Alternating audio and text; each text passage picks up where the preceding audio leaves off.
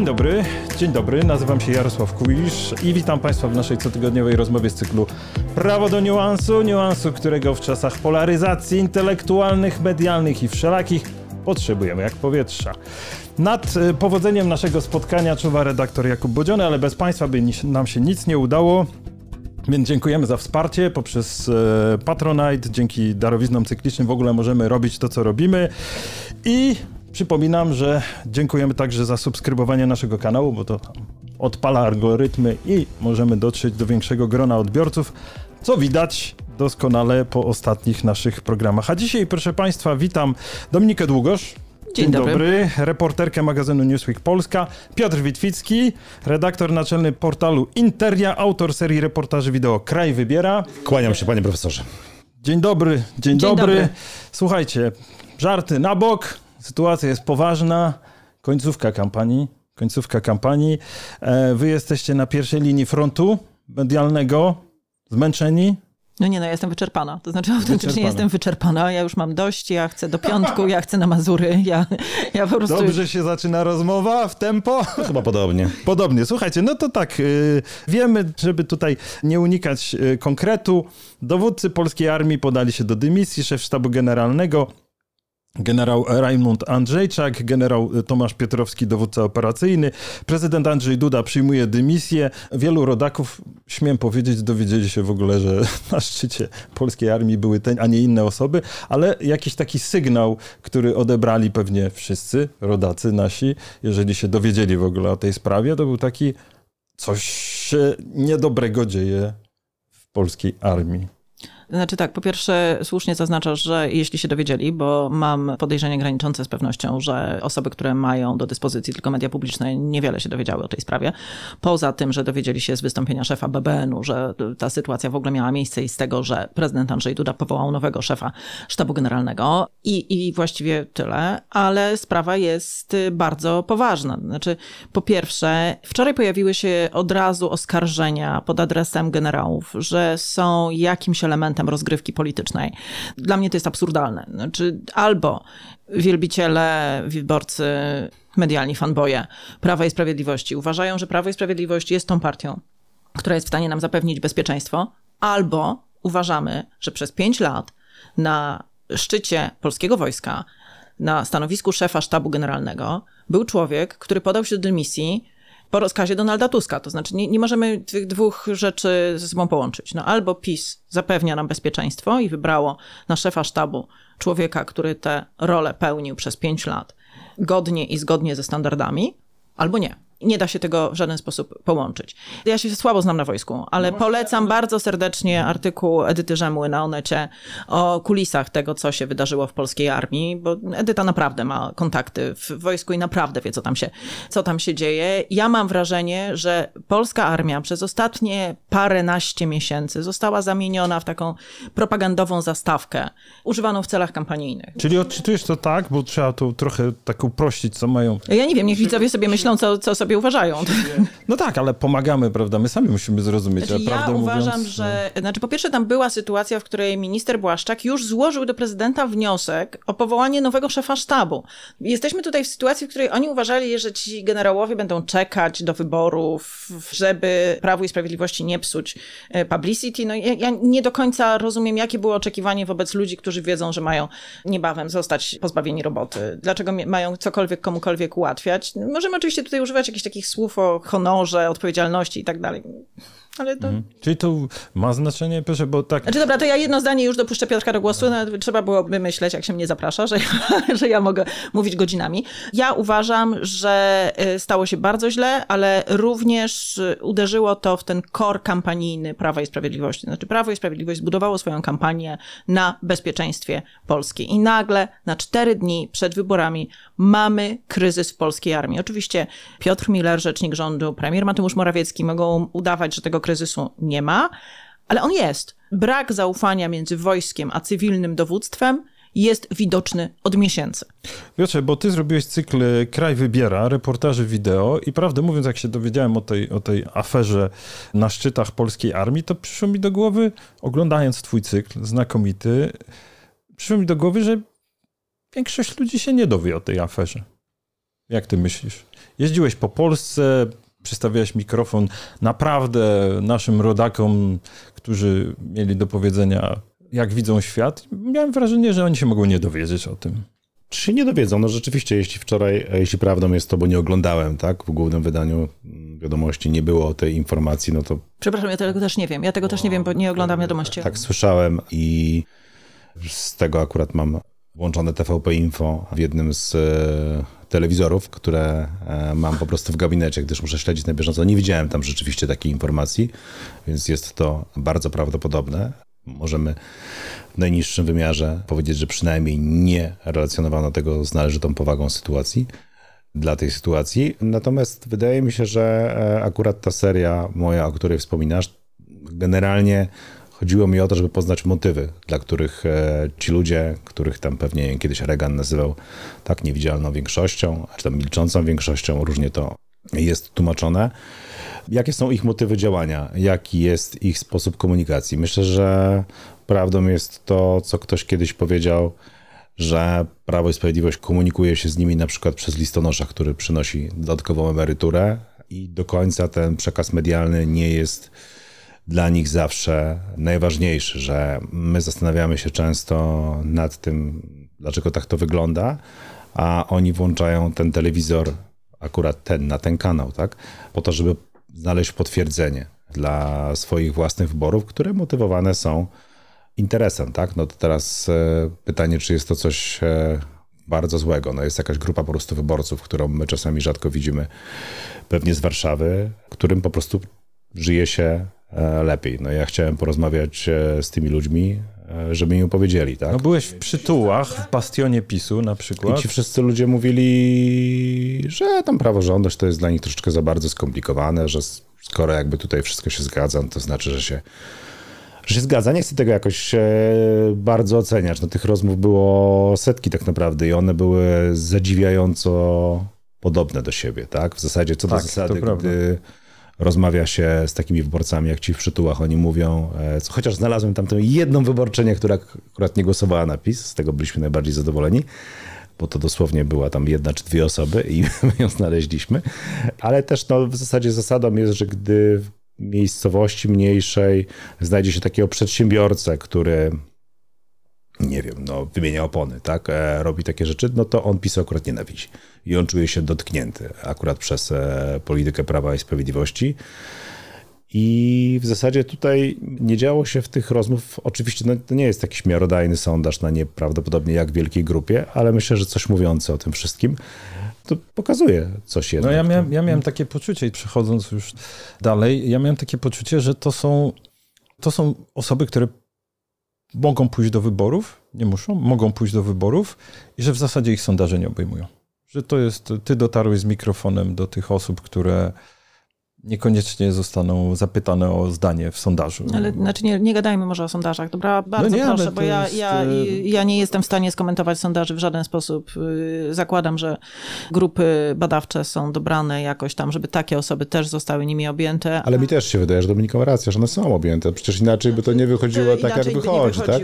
Zresztą profesor no, Flis nawet mówi, że raczej to w drugą stronę może iść, że ludzie jednak boją się przyznawać, tak? No, to, to znaczy ja ostatnio rozmawiałam, tak? rozmawiałam z paroma przedstawicielami sondażowni, którzy mówią, że mają problem z robieniem sondaży. To znaczy, mhm. dlatego, że ludzie nie chcą odpowiadać na pytania. No właśnie. Ja też zaznaczam, jeżeli ktoś by oglądał i sobie słuchał, bo Tylko, myślę, że warto Piotrek, posłuchać. to, co no? mówisz, jest e, absolutnie tożsame z tym, co mówią do mnie politycy opozycji, mhm. którzy prowadzą kampanię od miesięcy. Oni mówią, że jadą do takich małych miejscowości na, na Mazowszu, Podlasiu, y, Mazurach, y, w każdym, w każdym regionie i ludzie mówią, znaczy nawet nie ludzie, którzy są takim betonowym elektoratem Prawa i Sprawiedliwości, którzy nienawidzą wszystkich dookoła innych i każdej partii, tylko mówią, okej, okay, ale słuchajcie, ja nic nie straciłem.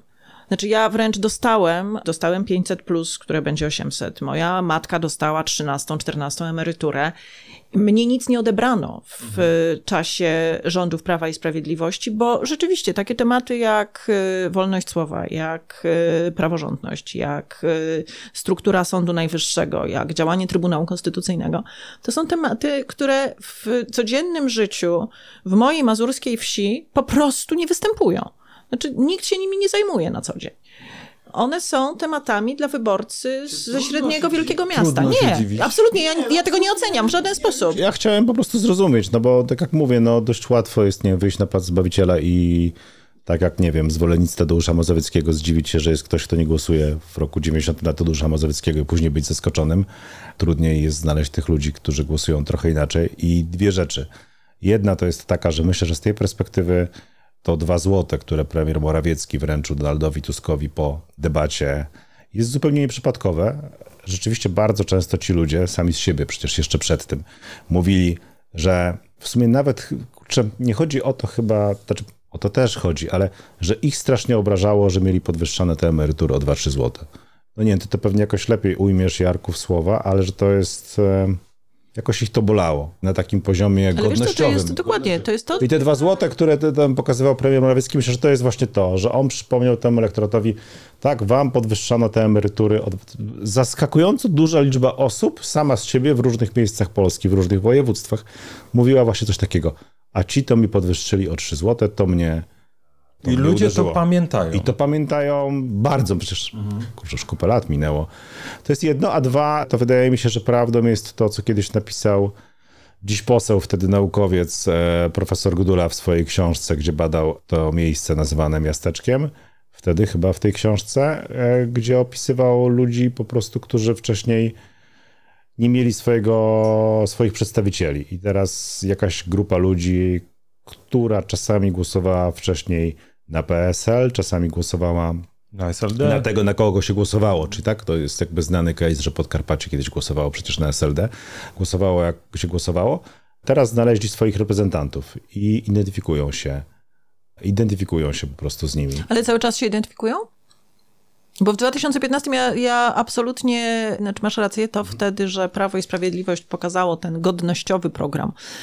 To był problem Polski. Znaczy dla mnie to jest, to jest oczywiste. Jeżeli kobieta rzuca pracę, dostając na trójkę dzieci po 500 zł, 1500 zł i jej bardziej się opłaca zostać w domu i z tymi dziećmi spędzać czas, niż pracować w przysłowiowym wielkim markecie na kasie, to znaczy, że coś było nie tak z rynkiem pracy. Znaczy uważam, że 500 plus było programem, który przywrócił godność bardzo dużej części ludzi, którzy żyli na granicy ubóstwa. Tylko czy to nadal działa? Znaczy, jest, rozumiem, że z tych twoich rozmów wynika, się, że jest taki wyborca, że- że tak? Oni- Znaczy zadziała to oczywiście zobaczymy. No oni, ci ludzie, mówię, niezależnie od siebie w różnych miejscach Polski, mówili o tym. Jakoś było, to, było to po prostu dla nich e, ważne. No w ogóle chyba ta kampania to jest taka kampania trochę jednak odgrzewanych kotletów, tak? Bo, bo my tu nie dostaliśmy jakiegoś super nowego przekazu. I teraz no pytanie, czy to działa cały czas? No mówię, na podstawie rozmów, które odbyłem, nie jest to jakaś wielka grupa, nie, to, nie są to exit pole, no. Chociaż te w Słowacji pokazują No też, że można się przejechać.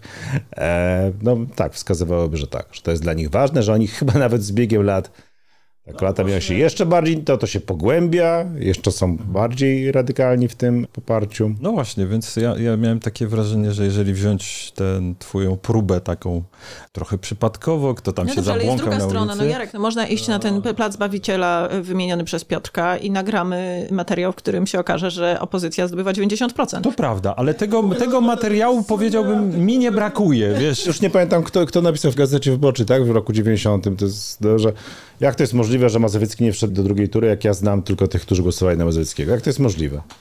No Ale jest, bo wiesz, no. co, wiesz, co ja widzę na mojej mazurskiej wsi, którą przywołuję w każdej rozmowie, jak jest rozmowa o tym, co się dzieje poza Warszawą.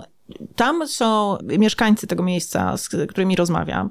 I rok temu przyszła do mnie sąsiadka i mówi, pani Dominiko, na kogo głosować? Ja Mówię, ale ja pani nie powiem, pani Regino, na kogo głosować. Pani ma swój umysł, widzi pani, co się dzieje, to pani sama będzie wiedziała. Mówi, no tak, tam machnęła ręką na mnie, mówi, no, tamci kradli, ci kradną, wszyscy kradną, wszyscy tacy sami. I w tej chwili to była wyborczyni PiSu. Ona w tej chwili chce głosować na Konfederację.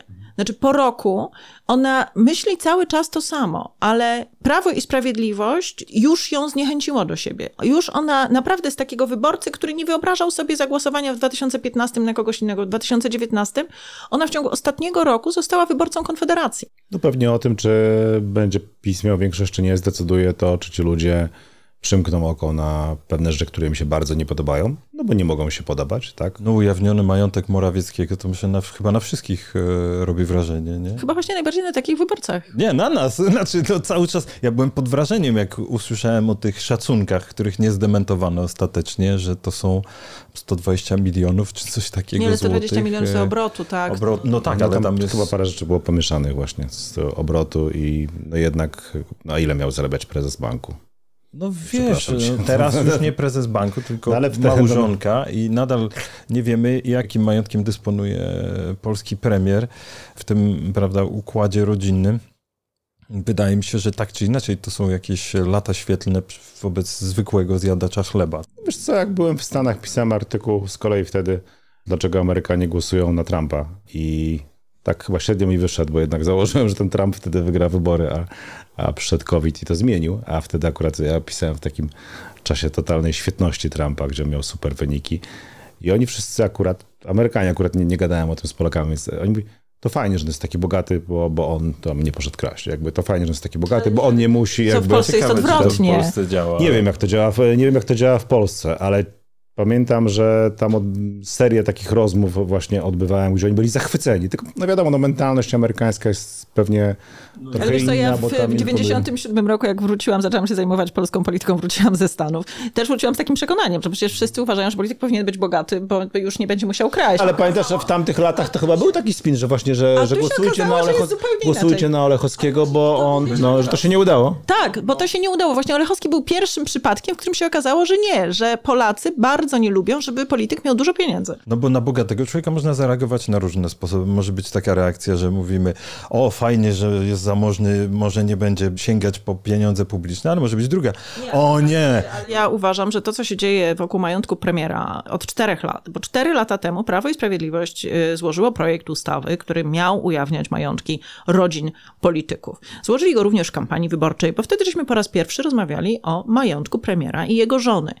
I potem się nie udało, bo przy pomocy prezydenta to trafiło do Trybunału Konstytucyjnego i tam pani Julia to uwaliła, uwaliła jak trzeba. Ja nie widzę problemu, to znaczy jakby mnie ktoś zapytał, czy ujawnię majątek mojego męża, byłabym premierem, to bym po prostu poszła do niego i powiedziała, kochanie, no nie ma wyjścia. No musimy niestety pokazać, co ja mam, co ty masz, bo taka jest, znaczy czystość gry. Niczego cię te rządy nie W ogóle, nie? To znaczy 30 lat w tym robię, a nic po prostu, kompletnie. I y, znaczy zasłanianie się tutaj prawem, zasłanianie się tutaj jakimiś historiami, że no nie mogę, bo nie ma ustawy.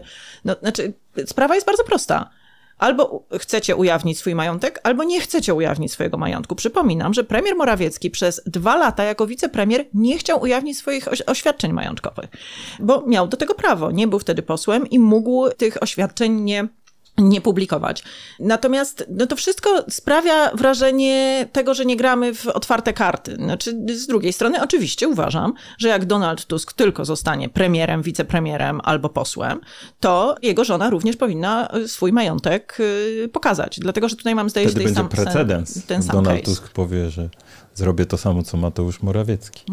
I będzie on się tak wymieniać ciosami po prostu i będziemy żyli w tej samej rzeczywistości. Ale słuchajcie, no a propos wymiany ciosów, no jesteśmy po tej debacie telewizyjnej e, i wasze przemyślenia już po, po, po dłuższej chwili są takie, że rodacy to oglądali, tak? Oglądali.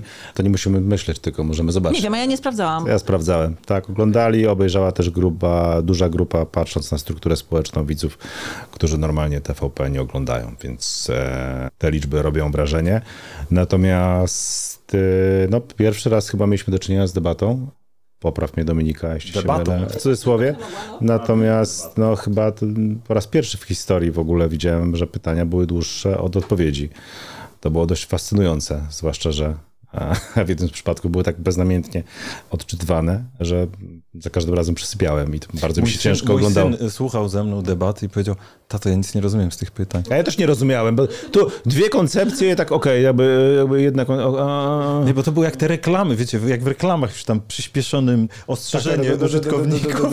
Nie, no, ale słuchajcie, no tak, pytania chyba nas nie zaskoczyły, tak? Wiadomo było, że będą związane z nikogo nie pytaniami. zaskoczyło, nie? No, No. znaczy, mam wrażenie, że Donalda Tuska niezwykle, ale y, że były związane z pytaniami referendalnymi, to było wiadomo od No, samego ty początku. napisałeś, że Tusk przegrał tę Tak. debatę. Znaczy tak, poniżej oczekiwań. Absolutnie. Znaczy, przegrał Mateusz Morawiecki, moim zdaniem. Znaczy, był najgorszy. Tuż przed nim był Donald Tusk, najlepszy był Szymon Hołownia. Zaraz potem egzekwo, moim zdaniem, Szojring-Wielgus z lekkim wskazaniem na nią, Bosak i pan Maj, a Tusk z Morawieckim na szarym końcu. Dlatego, że po pierwsze zamienili tę debatę w wymianę ciosów, do której, znaczy my jesteśmy, my to wszystko wiemy. Znaczy, my jesteśmy przyzwyczajeni. Ty u mnie pracowałeś, a ty kradłeś, no, a Kaczyński Nie, może to nie było dla nas, wiecie, ta debata. To może przestańmy to oglądać w ogóle następnym No razem. nie, no nie zawodowe oglądajmy. obowiązki są, wiesz... Czy na pewno to była taka debata, gdzie nie wydarzyło się nic nowego, tak? Bo ani żaden Zandberg się nie wydarzył, ani nie usłyszeliśmy czegoś takiego, czego byśmy e, nie wiedzieli. No rzeczywiście pewnie zaskakująca była forma, zwłaszcza na początku Donalda Tuska, bo chyba on przyszedł po to, żeby pokazać, że on gra w innej lidze niż wszyscy inni. A grał naj, najłagodniej, to nawet chyba Dominika bardziej radykalnie sądzi, no przynajmniej w tej samej, tak? Co Shering Wielgus, co raczej jest zaskoczeniem. Czy ty też uważasz, że Donald Tusk raczej nie wygrał? No myślę, że on miał inne cele. On miał ich rzucić na kolana, tak? On miał pokazać i, i to na pewno. Nie, nie chcę wam wchodzić w oceny poszczególnych jakby kolejnych tam graczy tej, tej, tej No debaty. dobra, ja to- sobie to- mogę, ja jestem to- publicystką, ja sobie to- mogę ich oceniać. Tak, no jakby z, dla mnie z dziennikarskiego punktu fascynujące było to, że e, znacznie dłuższe były te pytania niż odpowiedzi. To jest niesamowite.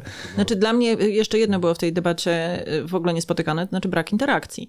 Ja nie widziałam debaty, w której y, nie dopuszcza się od razu interakcji. Rozumiem dlaczego, bo No, ale taki była umowa. Taka była umowa, ale rozumiem dlaczego. Rozumiem polityczne y, konsekwencje tego, gdyby się okazało, że wszyscy napadają na Morawieckiego i on musi się bronić tam, bo tak by było. To znaczy, byłoby wszyscy na jednego. Bo tak jest zawsze. To znaczy, wszyscy, cała opozycja zawsze Nie atakuje partię rządzącą. Nie ma w tym tak żadnego jest. zaskoczenia, tylko przeważnie w tych programach telewizji publicznej po prostu jest trzech przedstawicieli PiSu i tam jedna opozycja się jakaś przedrze, nie? Natomiast tu byłaby po prostu, y, po prostu jadka. Tak, te pytania, no takie długie pytania, skomplikowane, no ale to, znaczy ich cel był jeden. Za PO było źle, a zapisu patrzcie jak pięknie. No i tylko I że są to ubrane- dwie koncepcje. Znaczy Tak, w sensie, tak. Że, tak, że to jest pokazanie, że to była jakaś koncepcja i że do tej koncepcji nastąpi powrót, tak? To było jakby celem tego e, pytania. No mogę powiedzieć jeszcze, że mi się wydaje, że jednak Mateusz Morawiecki dość dobrze komunikował się ze swoim Ze swoim e, wyborcą, tak? elektoratem, ze swoim wyborcą. Przypomniał, po co tam jest. Mówię tak dlatego, że tak sobie sam teraz właściwie myśląc o tym wszystkim, no myślałem, że to, to te dwa złote, tak? I kilka takich odwołań było chyba jakoś tam jednak e, przemyślanych, natomiast na pewno też e, wydawało mi się, że takim, takim kandydatem mówiącym po ludzku pewnie był Hołownia. Choć jak się tak wgłębić w to, co on mówił, no to, to, to nie wiem, czy to Znaczy, jest to, wiesz od co, czego to znaczy, oczekują jak Polacy. Wgłębić, jak się wgłębić w to, co kto mówił, to Szojring, Wielgus i Bosak najlepiej zakomunikowali swój program. Znaczy, każde z nich powiedziało to, po co tam przyszło. U nich jest trochę prościej, bo oni nie mówią do tak sze- szerokiego Dobra, się elektoratu. Ale okej, ale nie wiem, czy sharing dobra, ale wydaje mi się, że sharing Wielgus nie komunikowała dobrze swojego programu, dlatego, że za często się myliła i miała wpadki, jakieś tam 300 mieszkań. Ale jak Obajtek- powiedziała o dużo swoim tego było mężu jednak. zmarłym, Nie, premier Mabaj tego to zrobiła wrażenie. To zrobiło wrażenie, no nie może nie robić wrażenia. No pytanie, czy, czy o to chodziło. A jeżeli chodzi o Bosaka, to jest ciekawy case, bo wydaje mi się, że to był świetnie przygotowany gość, zresztą no jak się obserwuje jego Ale on drogę. jest świetnie zawsze do debat Jest przygotowany. świetnie przygotowany, tak? Nawet jak się z kimś... Słuchałem zresztą na żywo debaty w podcaście z kolei, nie wiem, czy tak można konkurencję tutaj u ciebie reklamować, dwie lewe ręce i oni też, bardzo, myślę, że trudno ich posądzać o jakąś wielką sympatię do Krzysztofa Bosaka, ale też właśnie mówili o tym, że facet się przygotowuje do takich rzeczy od 20 lat. No też jestem po kilku wywiadach e, z Krzysztofem Bosakiem. Tak, jest zawsze świetnie przygotowany. Ale tym razem z kartki czytał. Ale on ma coś takiego, że jest mega prymusowaty. Ja nie wiem, czy to... Czy ludzie lubią prymusów? Nie. Nie lubią, Dlatego prawda? mają 10%, a będą mieli mniej w wyborach. W klasie bywa ciężko prymusem. Nigdy nie byłem, nie wiem, no, a ty pewnie wiesz lepiej. Słuchaj, bywało różnie, no.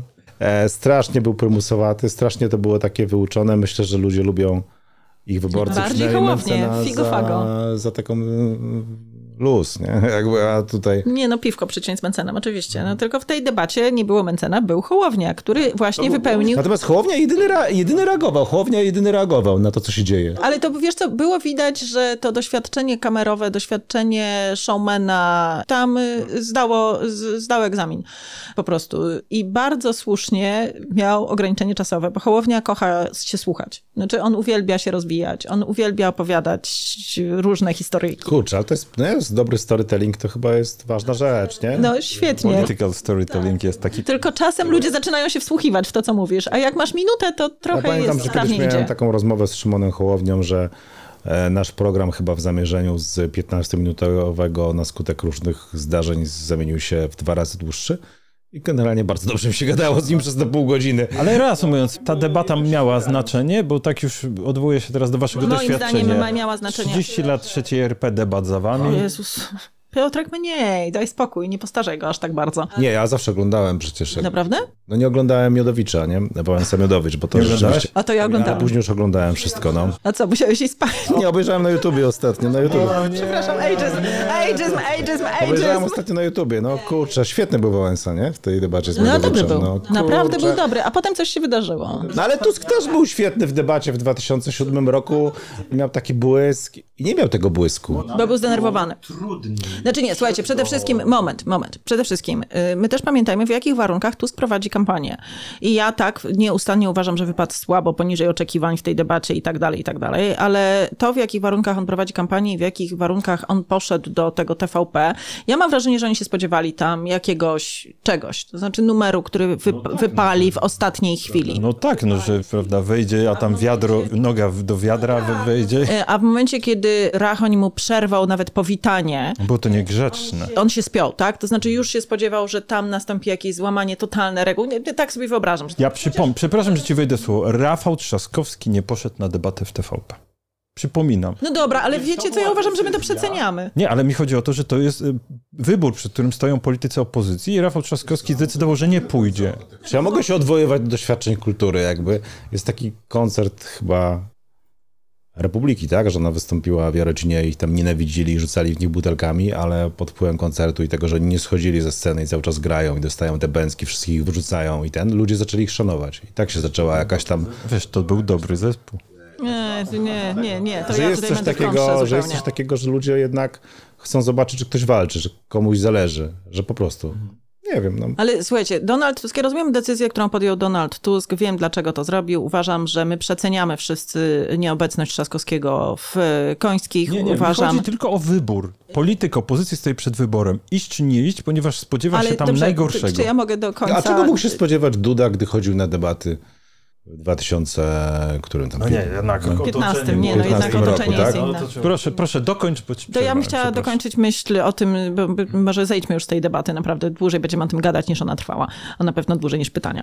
Chciałam tylko powiedzieć, że ma to ona znaczenie o tyle, że Szymon Hołownia świetnie wypadł. I jeśli byli wyborcy, którzy się wahali, czy oddać głos na Szymona Hołownię, którzy sobie myśleli, kurczę, ta trzecia droga, no to taka waha się na tym progu, nie wiadomo co z tym zrobić, to mam wrażenie, że oni postanowili powiedzieć, okej, dobra, to my oddamy ten głos. I to jest y, fundamentalne dla kształtu przyszłego parlamentu, a być może przyszłego rządu, który zobaczymy w, nie w poniedziałek, bo nam nie zdążą doliczyć tych głosów, nie? W poniedziałek, Słuchajcie, w to, środę to, raczej. to, to do was zawodowo pytanie, bo ten debata debatą, ale ona odbyła się w mediach, ja już nie mówię publicznych, tylko państwowych.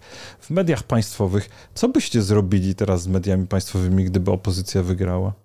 Macie doświadczenie, to jest wasz zawód. y, A nie, to ja bym wolała, przepraszam, nie, nie decydować od za, nie decydować za y, No ustawodawcę. bo scenariusz, który się rysuje, to gdyby opozycja wygrała, to jest przejęcie, wyczyszczenie do, do, do kości y, i w zasadzie Znaczy, mieć... Ja mogę ocenić wyłącznie to od strony politycznej, nie mówiąc absolutnie o tym, co należy zrobić z mediami publicznymi. Moim zdaniem Prawo i Sprawiedliwość zrobiło coś, czego się naprawić już nie da. Przez 8 lat. Nigdy. Nigdy. E, Przez 8 lat wykorzystywali media publiczne, a w tej kampanii trwającej od paru miesięcy wykorzystali je do cna. Dzisiaj pojawiła się informacja, że program pierwszy i trzeci Polskiego Radia przestają zapraszać polityków opozycji, że mają się oni nie pojawić do piątku na antenach e, publicznego radia. Telewizja Polska przytacza Für Deutschland tak wiele razy, że prezes Jarosław Kaczyński nagle mówi, że Donald Tusk bardzo często używa sformułowania Für Deutschland, bo nawet prezes Kaczyński jest już pod wpływem tej propagandy, która płynie z ekranu TVP. I to jest coś, co Prawo i Sprawiedliwość zrobiło i czego się już nie da odzobaczyć. Po prostu. Donald Tusk, y, kiedy rządził, właściwie nie interesował się mediami publicznymi. On oddał to ludziom prezydenta Komorowskiego. Oczywiście, że były wpływy polityczne w mediach publicznych, zawsze były. Za lewicy były, za platformy były, zawsze były. Ale nigdy nie mieliśmy do czynienia z czymś takim, z czym mamy teraz. A następny, kto wygra, wejdzie do tych mediów publicznych i powie teraz my. I wyczyszczą je prawdopodobnie do zera. Ja podkreślam, to nie jest moja opinia w sensie, co należy zrobić z mediami publicznymi, tylko przewiduję przyszłość. Wyczyszczą je do zera, wstawią tam swoich ludzi, zrobią to, co Prawo i Sprawiedliwość, tylko w drugą stronę.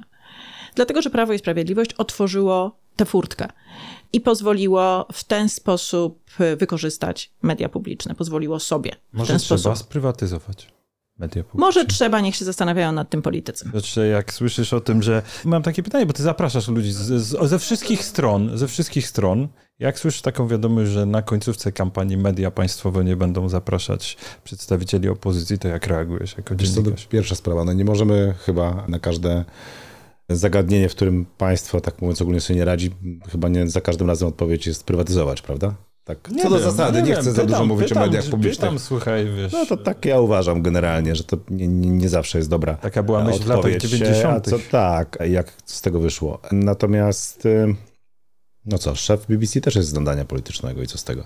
Tam pewne rzeczy nie mieszczą się w głowie. I to pewnie jest jakiś tam ideał. Czy, czy z niego rezygnować? Rzecz. Jednak jeszcze nie.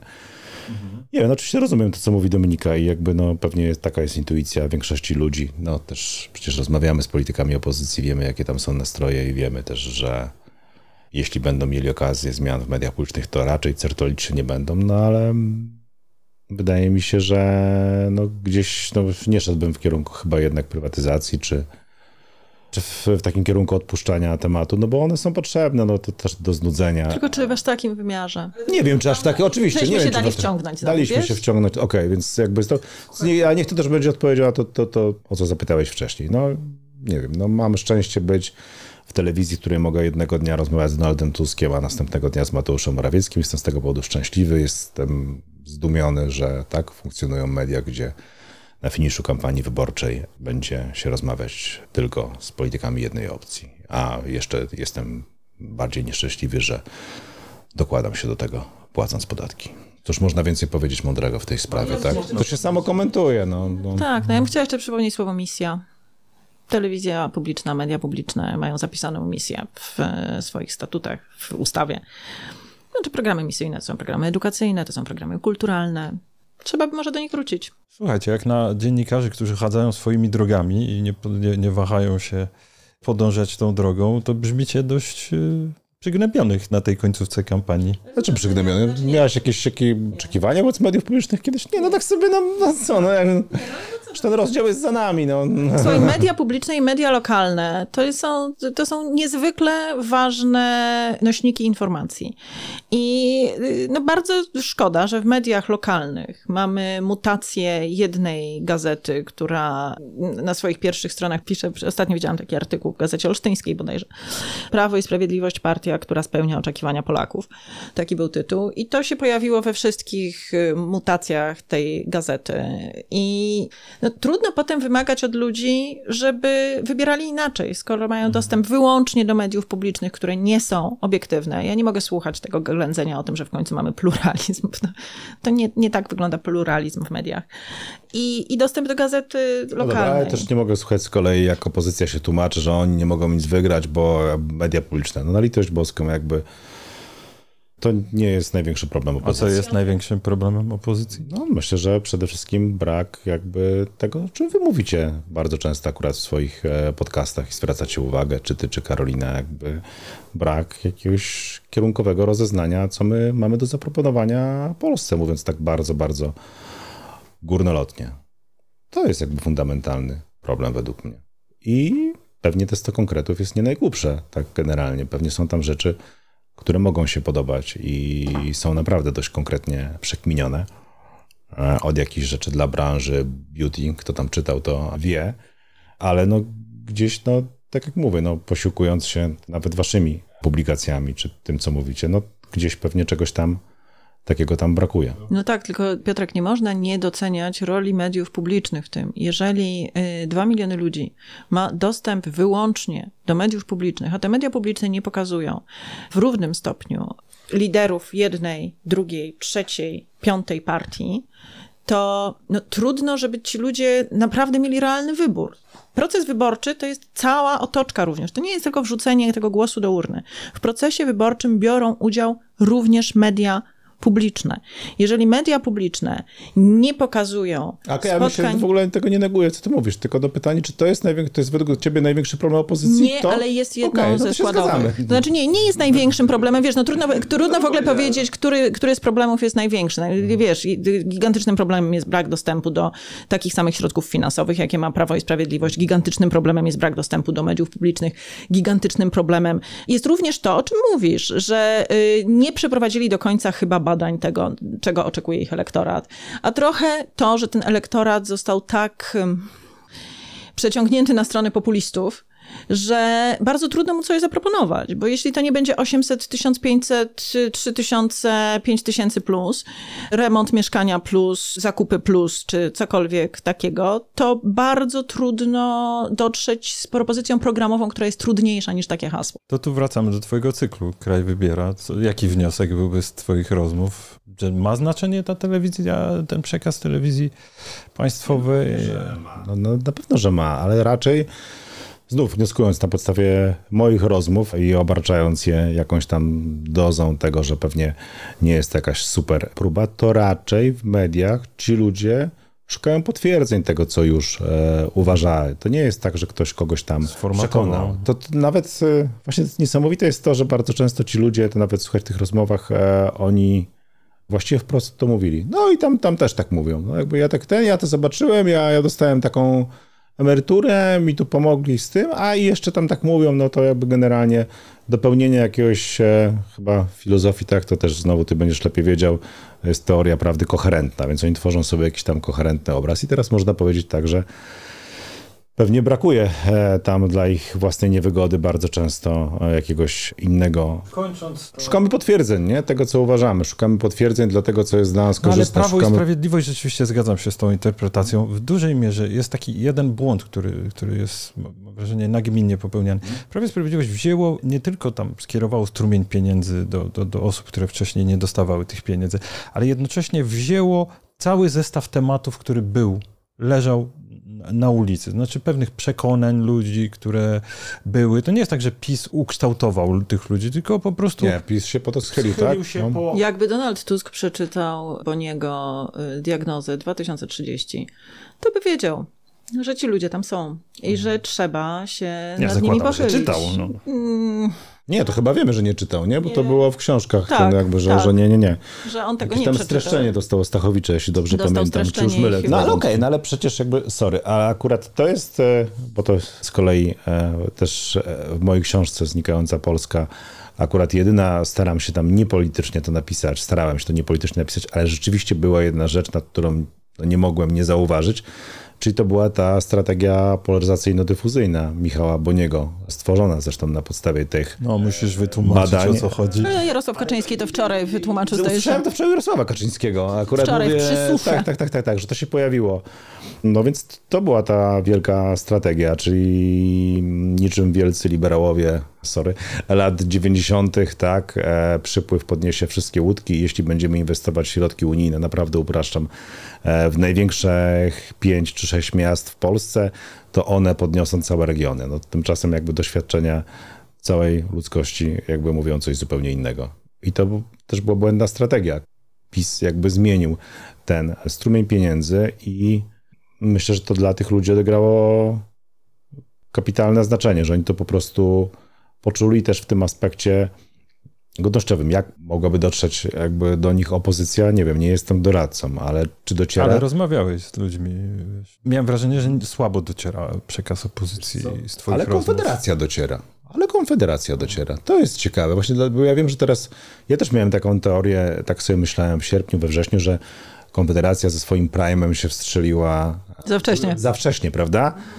Jest naprawdę dla mnie to jest wielkie, jestem podekscytowany, jak myślę, ile może być Konfederacja, bo tam się wszystko może wydarzyć, bo mi też jakby jakaś intuicja, czy, czy, czy patrzenie po prostu na te sondaże, które tak skrytykowaliśmy na początku i tak dalej, wskazywałaby, że oni trochę przekapili swój moment, że źle się wstrzeli, ale jak się rozmawia z tymi właśnie przedsiębiorcami, drobnymi i tak dalej. Czyli tu byś no widział oni- niespodziankę, która nas może czekać. Kurczę, no ciekawy jestem. Nie, nie chcę tak mówić, że widzę tam niespodziankę, bo, bo nie wiem, bo mówię, bo może źle trafiłem, albo dobrze trafiłem, tak jak kto chce.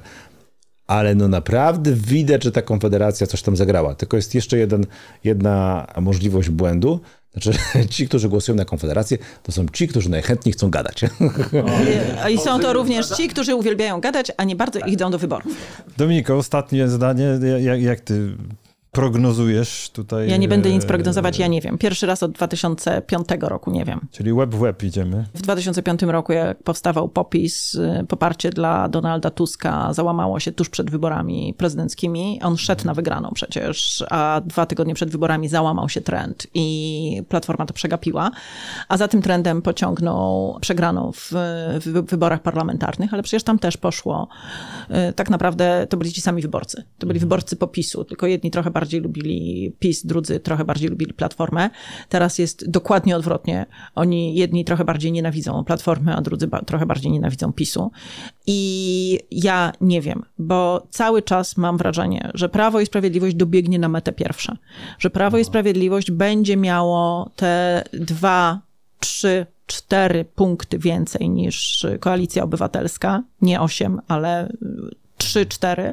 Natomiast nie, nie da rady stworzyć rządu, bo ja uważam, że Konfederacja nie pójdzie na żaden układ koalicyjny. Da się być może kupić paru posłów, da się paru zaszantażować. To będzie trwało przez miesiąc, te wszystkie gierki zakupowe w e, Nowym Sejmie. Ale Konfederacja jako taka nie pójdzie na koalicję.